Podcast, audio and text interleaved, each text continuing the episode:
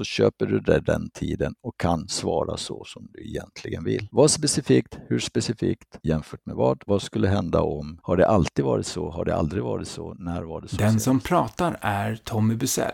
Han är projektledare sedan många år och har intervjuat andra duktiga projektledare för att lista ut vad de gör som är speciellt. Det och mycket annat pratar vi om i dagens podd. Jag som har Projektledarpodden heter Mattias Eibe och nu kör vi! Du lyssnar på Projektledarpodden. En podd för dig som gillar att leda projekt och vill lära dig mer av andra om projektledning. Idag har vi med oss Tommy Busell. Han är föreläsare, projektledare, utbildare och mycket annat. Han kan väldigt mycket om vad bra projektledare gör. Välkommen till Projektledarpodden Tommy. Tack ska du ha. Tack ska du ha. Jag vet att du håller på med det här med NLP. Så om vi börjar med det, vad är NLP? NLP är någonting som togs fram eh, någon gång på 70-talet därför att det var ett par personer som var väldigt intresserade av vad är det som gör att vissa kan åstadkomma förändring snabbt och bestående. Om man tittade på de som var bäst inom ett antal branscher eller yrken, det var hypnotisörer, det var familjerådgivare, det var ja, allt möjligt mellan himmel och jord. De själva var lingvistiker och matematiker. Och de gjorde någonting som vi kallar för modellering. De modellerade alla dessa människor för att hitta det som gjorde att de var mer framgångsrika än de andra som jobbade i samma branscher. De hittade den här så kallade skillnaden som gör skillnaden. Och sen samlade man ihop alla de här teknikerna i, i en eh, ja, en samling tekniker som, som eh, gick under namnet neurolingvistisk programmering. Du säger modellering. Va, vad gör man då när man gör en modellering? Man kan säga så här att en gång i världen så hade vi ett system med mäster och lärling. Och lärlingen gick ju då bredvid mäster i 5, 6, 7, 8 år och lärde sig det mäster gjorde. Och då då lärde han ju sig snabbt egentligen de här beteendena, teknikerna, det som syns på utsidan. Men det som gjorde en mäster till mäster, det var ju de här inre tankarna, inre tankeprocesserna, vad den här mäster hade för värden, vad han tyckte var viktigt, vad han hade för övertygelser eller valda sanningar för alla strategier man väljer själv bygger ju naturligtvis på ens egna övertygelser. Och har man då inte, som förut då, lärlingen samma värden och övertygelser som mäster, så fick lärlingen de här värdena och övertygelserna därför att han tillbringade så mycket tid med mäster under 5, 6, 7 år modellering idag, vi kan ju inte, liksom när vi hittar någon som är jätteduktig på, på någonting, tillbringa 6, 7, 8 år och gå bredvid den personen, utan vi har lärt oss att ställa frågor och fråga efter det som är signifikant i sammanhanget. Vad det är som, som är det inre, som är det som egentligen styr oss. Och det är ju naturligtvis vad vi tycker är viktigt, eller som vi säger, vad är våra värden? Vad är det vi tycker är viktigt? Och jag har ju intervjuat då ett antal projektledare och jag har naturligtvis intervjuat dem, vad är det ni tycker är viktigt när ni jobbar som projektledare? Vad har ni för valda sanningar? Vad har ni för övertygelser? Det är det som är det inre, som inte syns direkt på utsidan. För det du ser på utsidan, det är strategier, tekniker, metoder. Man gör först en checklista, man gör det, man gör det och man gör...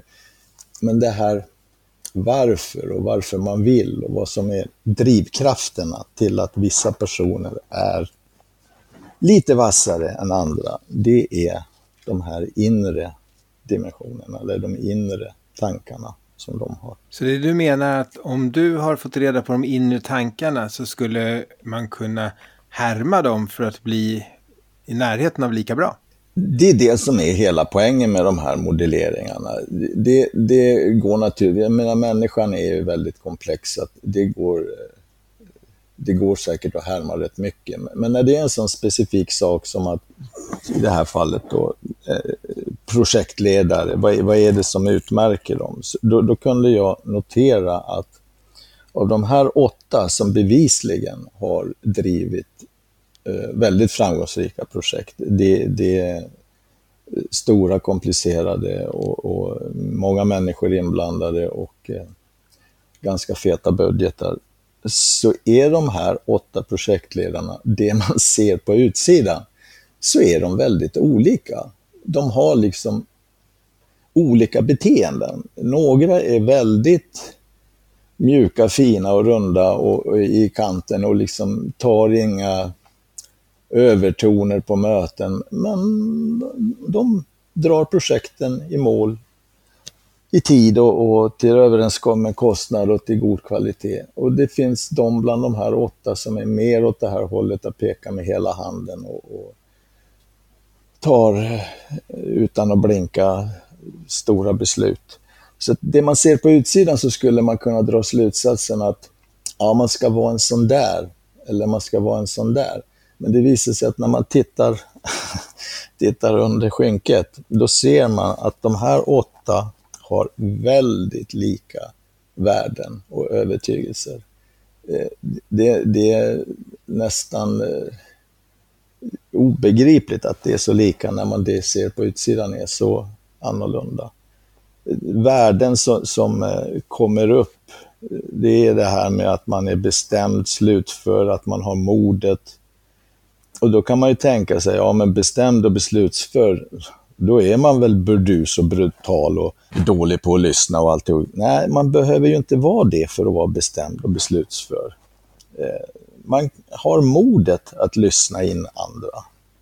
Man har modet att ta beslut, men man har även modet att ändra beslut som man har tagit när man vet bättre.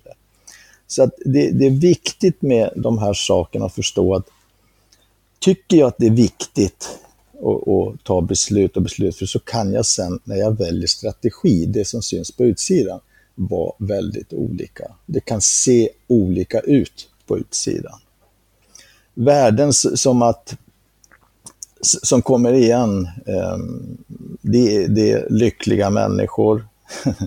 och, det är lite, har man tid att tänka på sånt när man driver projekt kan man tänka. Men, men när vi vet med, med diverse undersökningar att 75-80 procent av de som går till jobbet inte är så pigga på att gå till jobbet, så förstår man ju hur viktigt det är att adressera de här sakerna, att de som jobbar i det här projektteamet faktiskt tycker att det här både är roligt, intressant och spännande. Och då måste man också tycka själv att det är viktigt och sen manifestera det på olika sätt. För det, det är ju naturligtvis olika saker som gör de olika projektmedlemmarna lyckliga och tycker att det är spännande och utmanande. Du nämner några värden. Vilka fler värden fick du fram?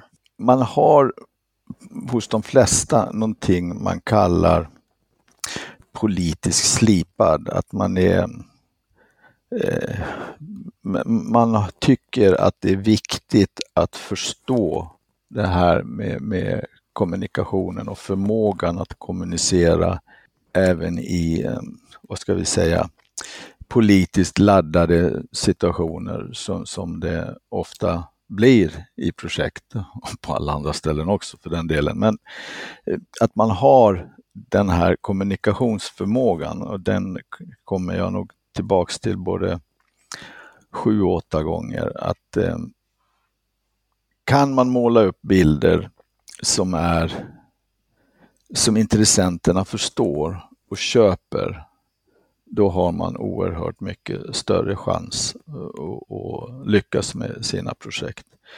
Eh, otal antal gånger som man kommer till styrgrupper och, och eh, berättar saker som styrgruppsmedlemmarna inte har en jävla susning om vad det är för något. Och sen förväntar man sig att man ska få vettiga beslut därifrån man måste kunna kommunicera åt, med experter, man måste kunna kommunicera med, eh, styrelse och ledningen på företagen och prata det språket som respektive gruppering pratar. Så att kommunikation och eh, kommunikationsförmågan, den, den kommer tillbaks hos många av dem. Jag tycker det är intressant att se eh, de här värdena som du nämner. Och Eh, då börjar man fundera på, var det några värden som du blev förvånad över att de inte kom med? Ja, det, det kan man väl tycka, men, men eh, när man ser på det och man tittar på, på de här åtta, vilka värden de har och när man har tittat på dem och vilka som är gemensamma för i princip alla åtta, då blir det också, det är de här bitarna, det är de här värdena som är de viktigaste. Sen har vi ju 20, 30, 40, 50, 60 värden till som vi, alltså saker vi tycker är viktiga. Men det här är ju på något vis 10 i toppvärdena och som är dessutom eh, samma för de här åtta projektledarna. Så om du sammanfattar vilka värden som du kom fram till? Som jag sa då, man, man ska ha modet att ta beslut. Man ska vara beslutsför. Man ska ha förmågan att se hela bilden.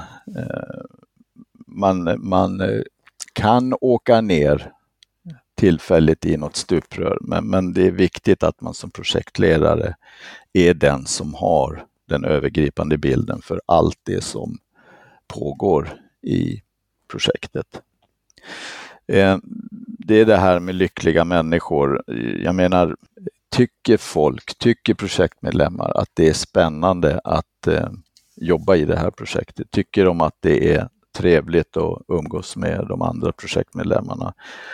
Så är det ju att sparka in öppna dörrar. Det är klart att de gör ett bättre jobb. Det är klart att de eh, får ut eh, det här extra och tycker att det här är, är där de vill vara när de jobbar. Jag brukar säga att är, de, är det någon som är med i projektet och jobbar och inte tycker att eh, dennes värden eh, lirar med de värden som gäller i projektet, då blir det bara ett jobb för den personen.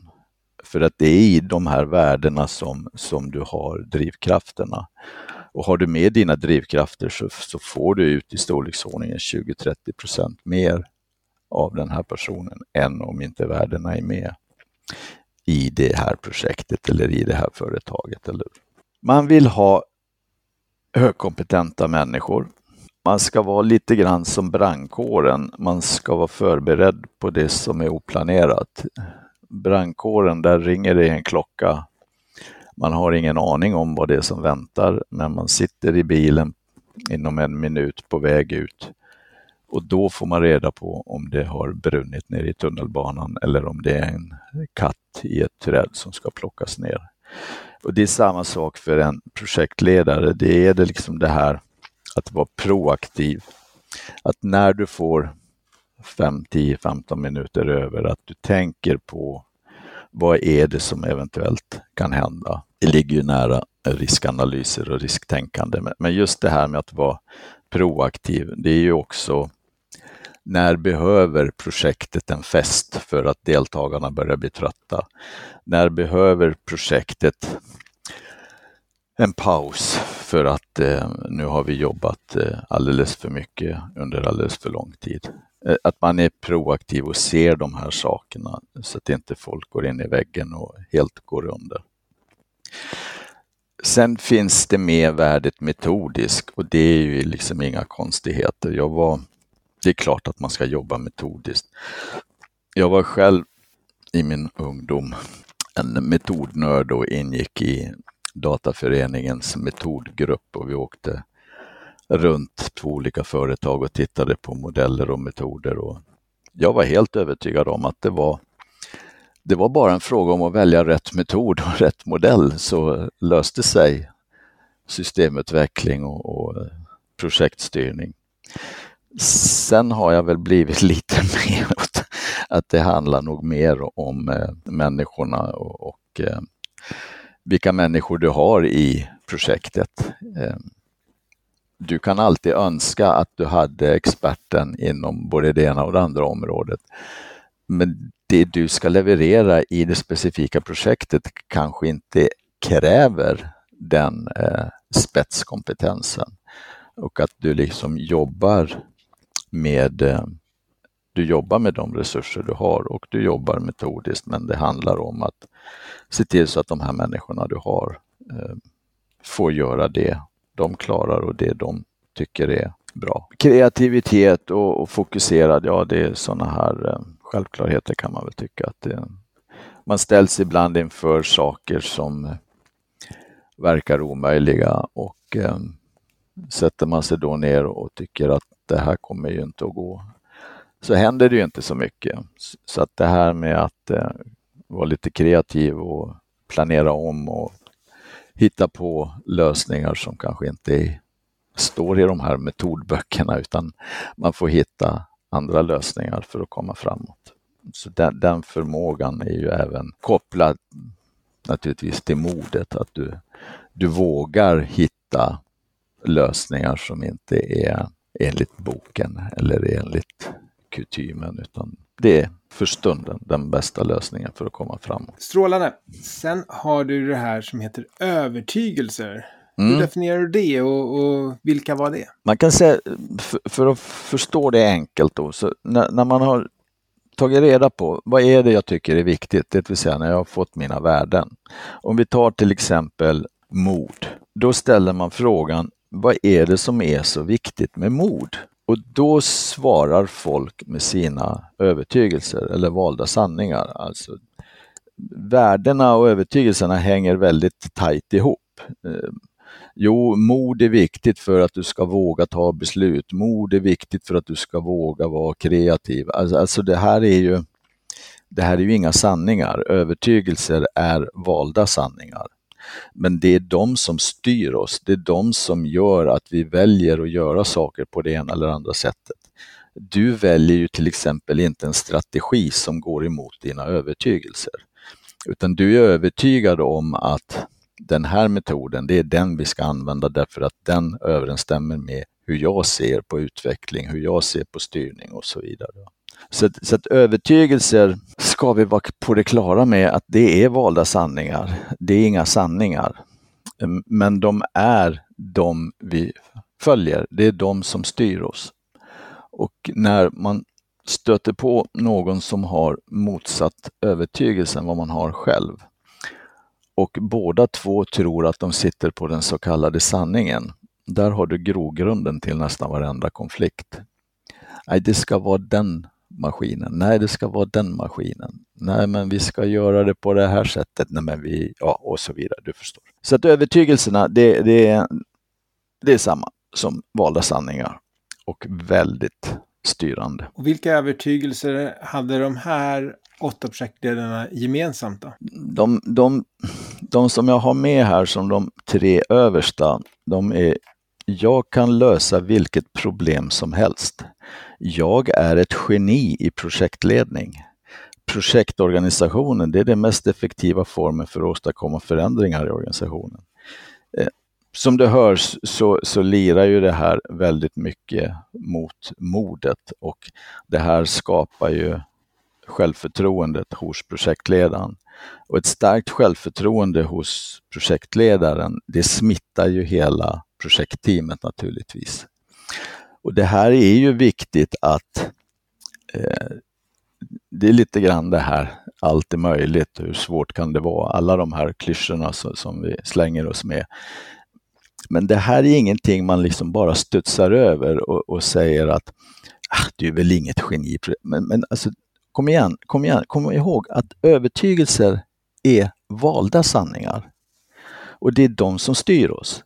Så att om jag väljer att vara helt övertygad om att jag kan lösa vilket problem som helst och att jag är en sjujäkel på projektledning och att projektledningsorganisationen, det är den bästa organisationsformen som finns. Det boostar ju dig som projektledare och boostar hela projektteamet. Andra övertygelser som eh, de här projektledarna har, det, det, det är liksom riktat väldigt mycket mot eh, medarbetarna i projektet. De är övertygade om att det är viktigt att motivera eh, medarbetarna. Det går inte att tvinga dem. 20, 2022 det är inte några nå löpande bandgrejer. Vi förväntar oss att de vi har i projekten är experter på sina saker. Vi kan inte tvinga dem att göra varken det ena eller det andra, men däremot kan vi motivera dem att eh, göra det de är riktigt duktiga på. Sen gäller det också att ta väl hand om projektmedlemmarna. Skydda dem mot omgivningen. En sak som, som var så tydlig hos alla de här åtta, det var att ingen jäkel utanför projektet ska ge sig på mina projektmedlemmar. Då går det via mig. Alltså att projektledaren skyddar verkligen och går i god för sina projektmedarbetare. Det, det pekade allihopa på hur viktigt det var för att eh, skapa den här känslan av att det här projektteamet, de, de kan. Sen eh, pekade man också i den här häraden om att hitta projektmänniskor, alltså att de som är med i projektet gillar att jobba på det sättet så som projekt bedrivs, alltså att det finns start och slut och det är under en specifik tid och man kör lite rock'n'roll och man kör lite extra under en period. Att man hittar projektmänniskor som har slutleveransen, eh, ja alla andra leveranser naturligtvis, i fokus och att det är det som driver dem, att de tycker att det är roligt ja, det, det, finns även en övertygelse som är med här och det är att man skapar någon form av familjär atmosfär. För ofta är det ju så att du sätter ihop folk från olika håll. Det kan vara till och med från olika företag som snabbt ska upp på banan, snabbt ska funka tillsammans, snabbt ska börja leverera enligt planer och budget. Då krävs det också att du lägger tid och har förståelse för att du har med människor att göra. Du måste få de här människorna att fungera tillsammans. Du måste få dem att tycka att det här är kul. Annars blir det jäkligt svårt att gå i mål i tid. och det blir svårt att hålla budget och det blir svårt med allting. Så det, det, här är, är liksom värden och övertygelse som, som de här åtta lyfter upp som de eh, topp 10. Och jag som projektledare, hur kan jag konkret använda det här? Jag tycker ju att eh, en grundläggande sak som, som eh, alla kan ta till sig och som alla kan ha nytta av, det är att förstå det här genuint med kartan av verkligheten. Eh, köper man det och dessutom är intresserad av den andres karta när den inte stämmer överens med min egen, eh, för kom ihåg att tidplaner, budgetar, alla de här instrumenten, även avtal, är ju kartor av verkligheten. Det är, man gjorde så gott man kunde vid en tidpunkt. Man var helt övertygad om att den här planen verkar rimlig och sen planerar man på och sen får man lite pengar i budgeten och man bemannar med olika eh, människor från olika avdelningar. Men kom ihåg att det här är bara en karta av verkligheten. Ni, planer, budgetar, allt det här är inte verkligheten. Så att när det har knatat iväg ett halvår eller tre, fyra, fem månader och du märker att planen kanske inte håller eller att budgeten inte håller. Då, då vet vi alla som har eh, kört några projekt i våra liv att det finns vissa styrgrupper där det sitter folk som hävdar att kartan är verkligheten och, och är inte ett dugg intresserad av att höra att eh, man har dragit över tiden oavsett vad du har för förklaringar. Ja, men det, det har hänt saker här i verkligheten. Det borde du ha tänkt på. Ja, men det var ingen på hela jordklotet som visste att det skulle hända när vi gjorde planen. Så hur kan du hävda att planen är sanningen och inte verkligheten?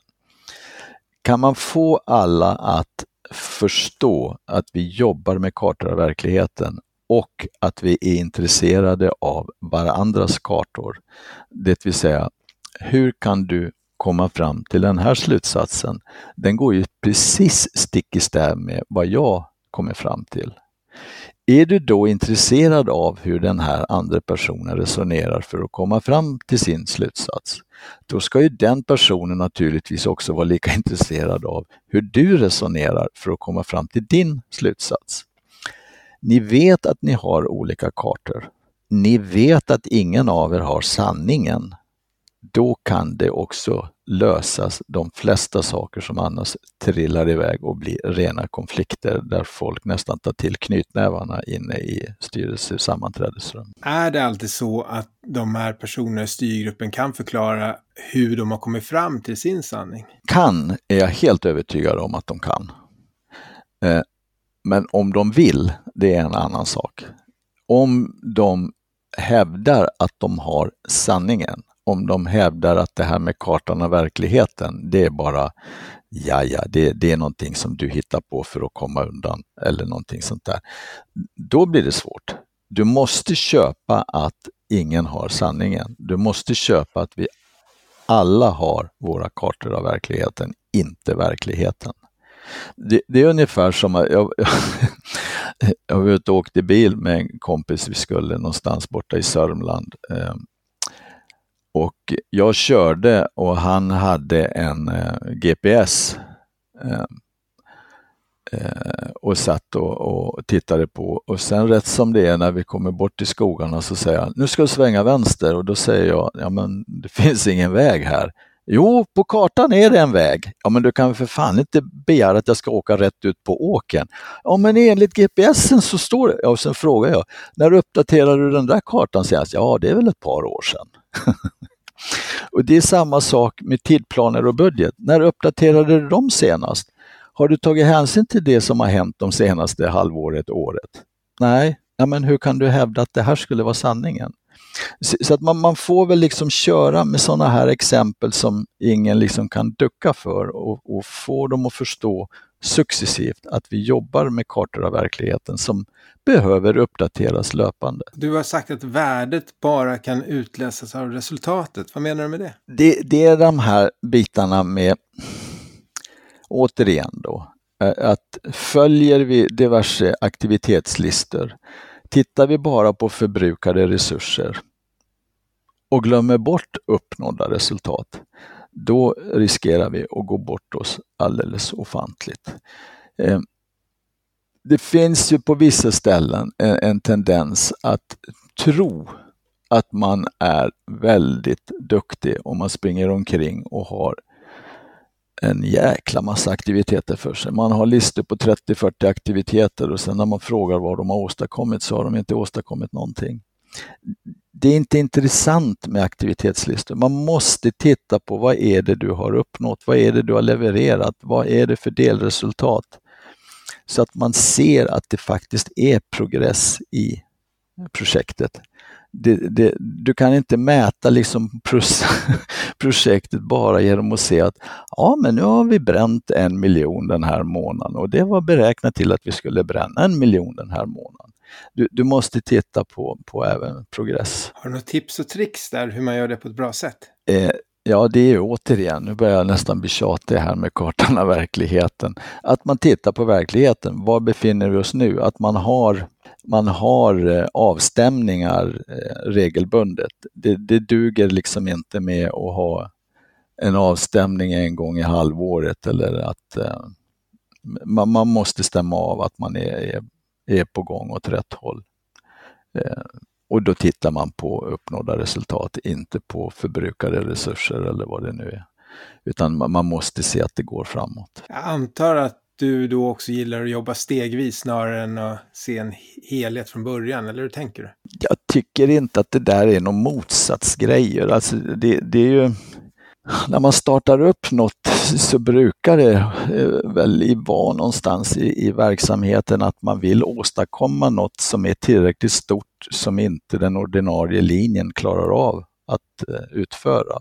Det är ju därför oftast man tillsätter en projektorganisation som är tillfällig, därför att det är en så pass stor förändring som ska göras.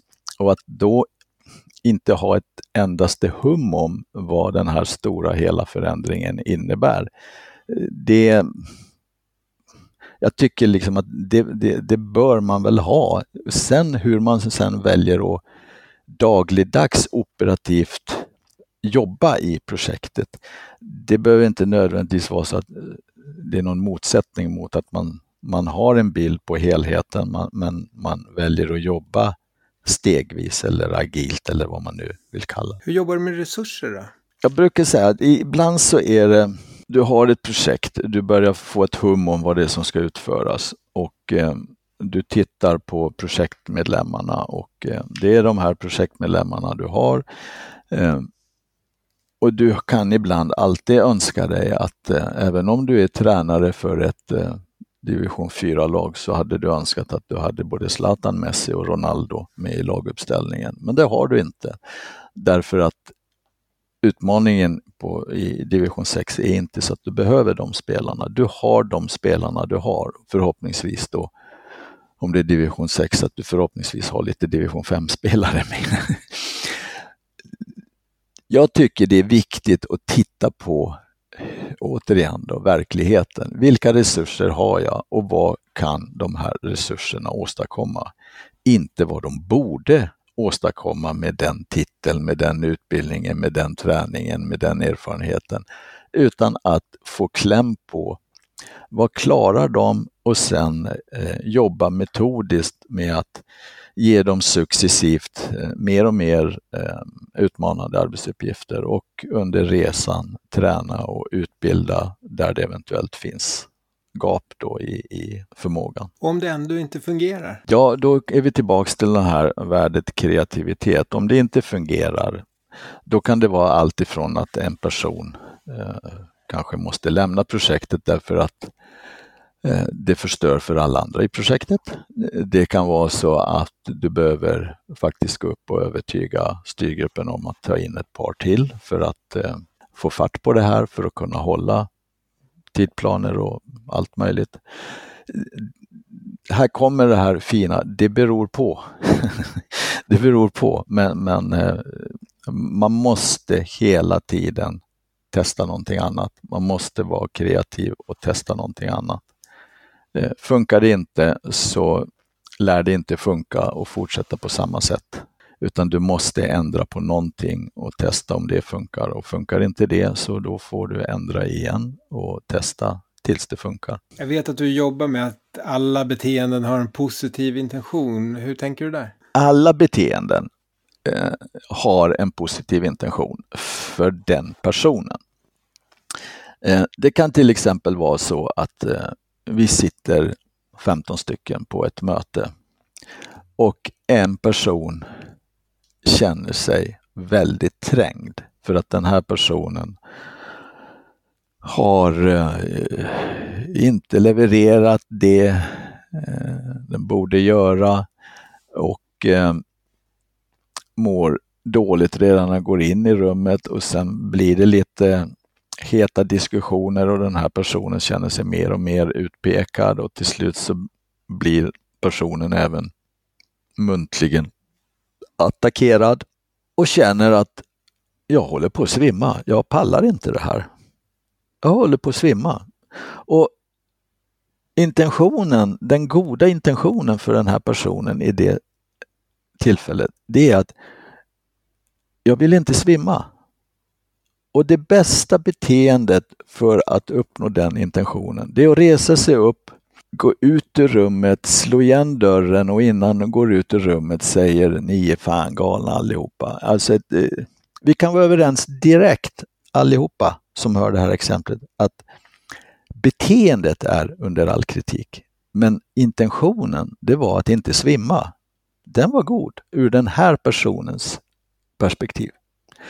Och förstår du inte att det finns en god intention, då ger du dig på beteendet utan att överhuvudtaget förstå varför personen gjorde det. Förstår du intentionen, då kan du föra en diskussion att eh, ja, det här beteendet senast var inte så bra, men, men jag förstår intentionen och nästa gång du känner dig pressad och stressad så föreslår jag att vi gör på det här sättet. Alltså då kan vi hitta hitta och erbjuda ett beteende som fungerar väldigt mycket bättre. Hur har du fått fram? Hur gör du när du modellerar? Det är att man eh, träffar den här personen. Eh, det är viktigt också att komma ihåg att en person som har en, en eh, specifik förmåga och det är den förmågan du vill komma åt, det är den förmågan du vill modellera. Den här personen behöver du inte älska i allting annat den står för eller gör, utan du är bara ute efter den här förmågan. Så det är inte att du, det är något krav på att den här personen i största allmänhet ska vara din favorit, utan det är en specifik förmåga. I, I det här fallet så är det projektledning som vi har eh, modellerat. Och då börjar man med att eh, boka tid med den som man ska prata med. Eh, i storleksordningen två timmar och sen ett uppehåll på minst en vecka och sen två timmar till och sen ytterligare en uppsamling någon vecka senare när man har sammanställt själva modelleringen. Men det man är ute efter, det är vad är det för värden den här personen har? Och då ställer man frågor som gör att man får fram vad den här personen tycker är viktigt. Och i, man vill, vill, även få fram övertygelser och man vill naturligtvis även få fram vilka strategier personen använder och vilka tillstånd personen nyttjar. För det är också en sån här sak som, som vi, vi borde lyfta fram och det är tillstånd. Alltså att det finns mycket kraft, mycket energi och hämta i olika typer av tillstånd.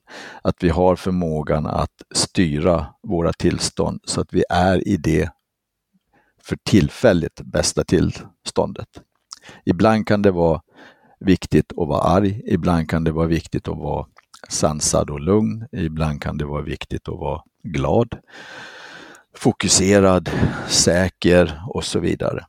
Men visst, man ställer frågor och när man börjar prata med en person som besitter en specifik förmåga, när man väl har, har fått dem att börja prata så levererar de huller om bladder, värden, övertygelser, strategier, tillstånd, stories och så vidare. Och det är då det är så viktigt eh, att man låter dem prata. Eh, jag har testat alla möjliga varianter och, och, eh, jag har sagt att ja, men nu pratar du inte om värden längre, nu håller vi oss till värden. Det drar ner eh, det drar ner ehm, vad du får ut totalt sett. För då börjar den här personen bli försiktig. Säger jag fel saker? Är det här verkligen ett värde? Så att kicka igång med att be personen svara på frågan, vad är det du tycker är viktigt när du jobbar som ja, jurist eller projektledare eller vad du nu gör för någonting.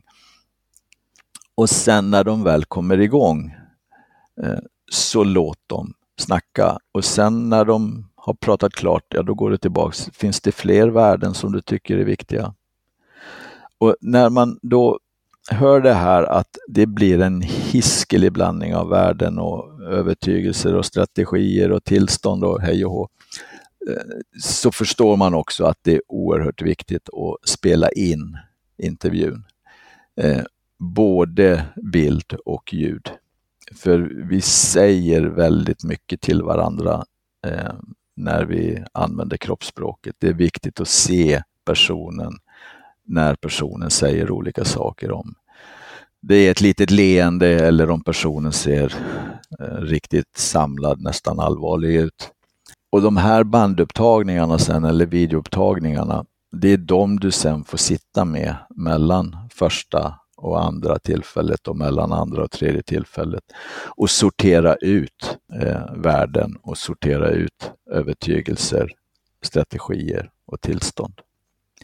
Så det är ett antal intervjuer. Det är Eh, ett, eh, en hel del arbete mellan intervjuerna och sen slutar det med en eh, form av sammanställning som man går igenom med den här personen. Och jag tänker mig att de här frågorna kan vara bra att använda i andra sammanhang också, inte bara när man modellerar. Kan du inte berätta lite om ditt frågebatteri och, och ge tips om frågor man kan ställa i olika sammanhang? När man pratar om, eh, vi har alla varit med om att folk uttrycker sig, det gör vi även själva, väldigt eh, generellt ibland. Eh, ja, men det är ingenting som funkar i det här projektet. Eh, nu, nu är ni försenade igen och, och så vidare. Man slänger sig med ganska generella eh, uttalanden och, och påståenden. Då finns det någonting som bland annat heter superfrågorna. Det är fem tämligen enkla frågor som är så kraftfulla, som är sån ammunition så att de borde ni lära er. Om inte någonting annat är intressant så lär er de fem frågorna. För de kan ni börja använda på Stubertus och det ni gör då, det är att ni drar ner det generella till lite mer specifikt tills ni förstår vad den här personen egentligen menar. Det händer till och med ibland att den här personen får ett antal sådana här superfrågor inte kan svara, utan det var faktiskt så att den här personen var bara allmänt förbannad och det gick ut över projektet.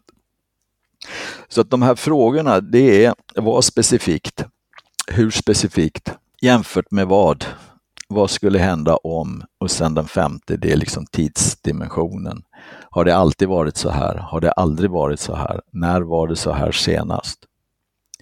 Så, så vad någon än frågar er om, vad någon än påstår, så kan ni alltid, alltid, alltid ställa någon av de här frågorna. Och det fina med de här frågorna, det är att man vill väl, man vill komma framåt, man vill hitta en lösning. Jämför du de här fem med frågan varför, så känner du i hela kroppen att varför, det är lite attack över det. Och där är nästan det naturliga svaret, jo därför. de här frågorna, de kallas processfrågor, det vill säga de uppmuntrar till att vi fortsätter och pratar. De fortsätter att se till så att vi kommer framåt och till slut så kommer vi att hitta en lösning eller hitta en överenskommelse. ah, var det det du menade? Men då kan vi göra så här istället. Så att de här fem frågorna, de är hur tunga, hur viktiga som helst att lära sig och använda. För det är den som ställer frågorna som har makten. Den som ställer frågorna har makten. Och du kan alltid, oavsett vad den andra har sagt till dig, ställa någon av de här fem frågorna. Antingen för att köpa dig två, tre sekunder så att du slipper gå ut ur det här sammanträdesrummet och sen en halv minut senare, jäklar, så skulle jag ha svarat. Ställer du de här frågorna så köper du dig den tiden och kan svara så som du egentligen vill. Vad specifikt? Hur specifikt? Jämfört med vad? Vad skulle hända om?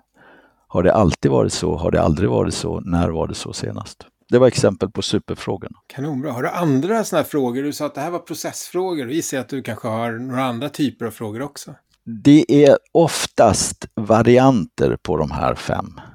Så att utgår man från de här fem eh, så hittar man eh, varianter som är eh, användbara i diverse olika situationer. Eh, det finns ju antingen när man pratar med någon så tycker man att de pratar alldeles för generellt och då vill man dra ner till en mer detaljerad nivå. Då är de här fem superfrågorna jättebra verktyg. Ibland så är man eh, på ett samtal där man tycker att ja, men nu, nu är du alldeles för detaljerad. Då kan man ställa den enkla frågan, ja men det du sa nu, vad är det ett exempel på? Och då måste den här andra personen chanka upp eller åka upp en generaliseringsnivå. Och, och till exempel om man frågar, eh, du, du pratar här om eh, eh, bilar. Eh, vad är bilar exempel på? Ja, kommunikationsmedel. Så att man, man förstår att det, du kommer upp på en annan nivå. Cyklar, vad, vad är cyklar exempel på? Ja, det är kommunikationsmedel. Ja, fine. Både bilar och cyklar kanske är då på samma nivå, men en nivå ovanför så har du kommunikationsmedel. Eller transportmedel, eller vad du nu vill. Jag gillar ju att lära mig av misstag och gärna av andras misstag. Har du begått några misstag i din karriär som du skulle kunna dela och som någon har någonting att lära sig av? Jag vet att jag är lite tjatig med det här med kartan och verkligheten och kommunikation, men, men det är faktiskt det jag tycker är eh, det svåraste och det eh, mest eh, framgångsrika när du får det att fungera. Men även jag gör ju naturligt fel hela tiden, alltså inte hela tiden, men någon gång ibland sådär. Och jag kommer ihåg en gång när jag hade en kund och min, min intention, min goda intention, det var att jag verkligen ville hjälpa den här kunden. Och jag babblade på och jag kom med både det ena och det andra eh, förslaget. Och nästa gång jag träffade den eh, personen så fick jag en fantastiskt nyttig återkoppling även om den sved. För kunden hade upplevt mig som burdus, som viktig Petter, som visste allt.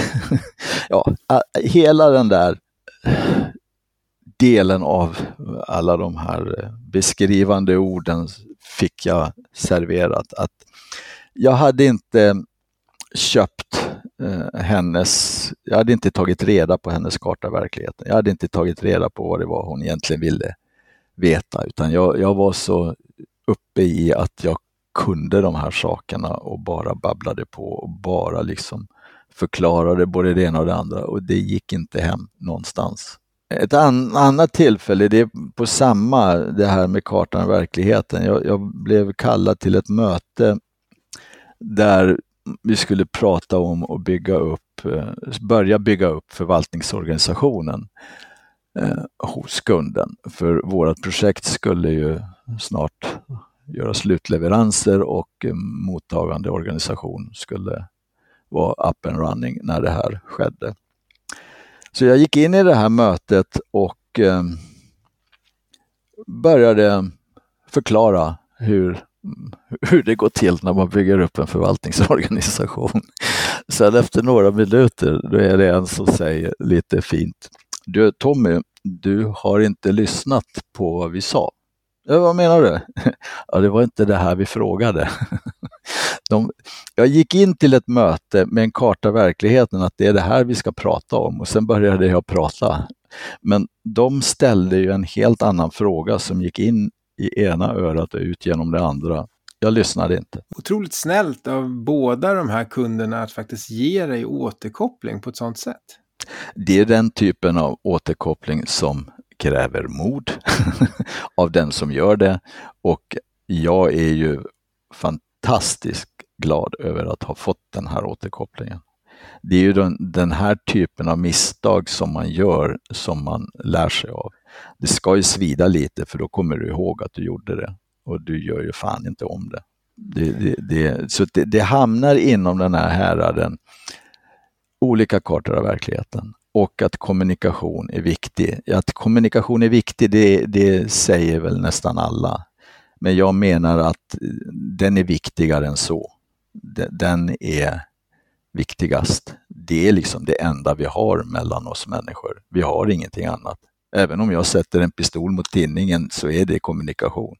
Det är liksom för att understryka att nu fan lyssnar du. Så att kartan av verkligheten och kommunikation, det, det är nog där det jag tycker är viktigast och det är väl där jag också, precis som alla andra, begår misstag ibland. Jag, jag glömmer bort, eller jag tar för givet att eh, de jag sitter och pratar med har samma karta av verkligheten som jag har. Är det någonting vi inte har pratat om idag som vi borde ha pratat om? Ja, en sak jag skulle vilja lyfta lite, jag har snuddat vid den och det är det här med tillstånd.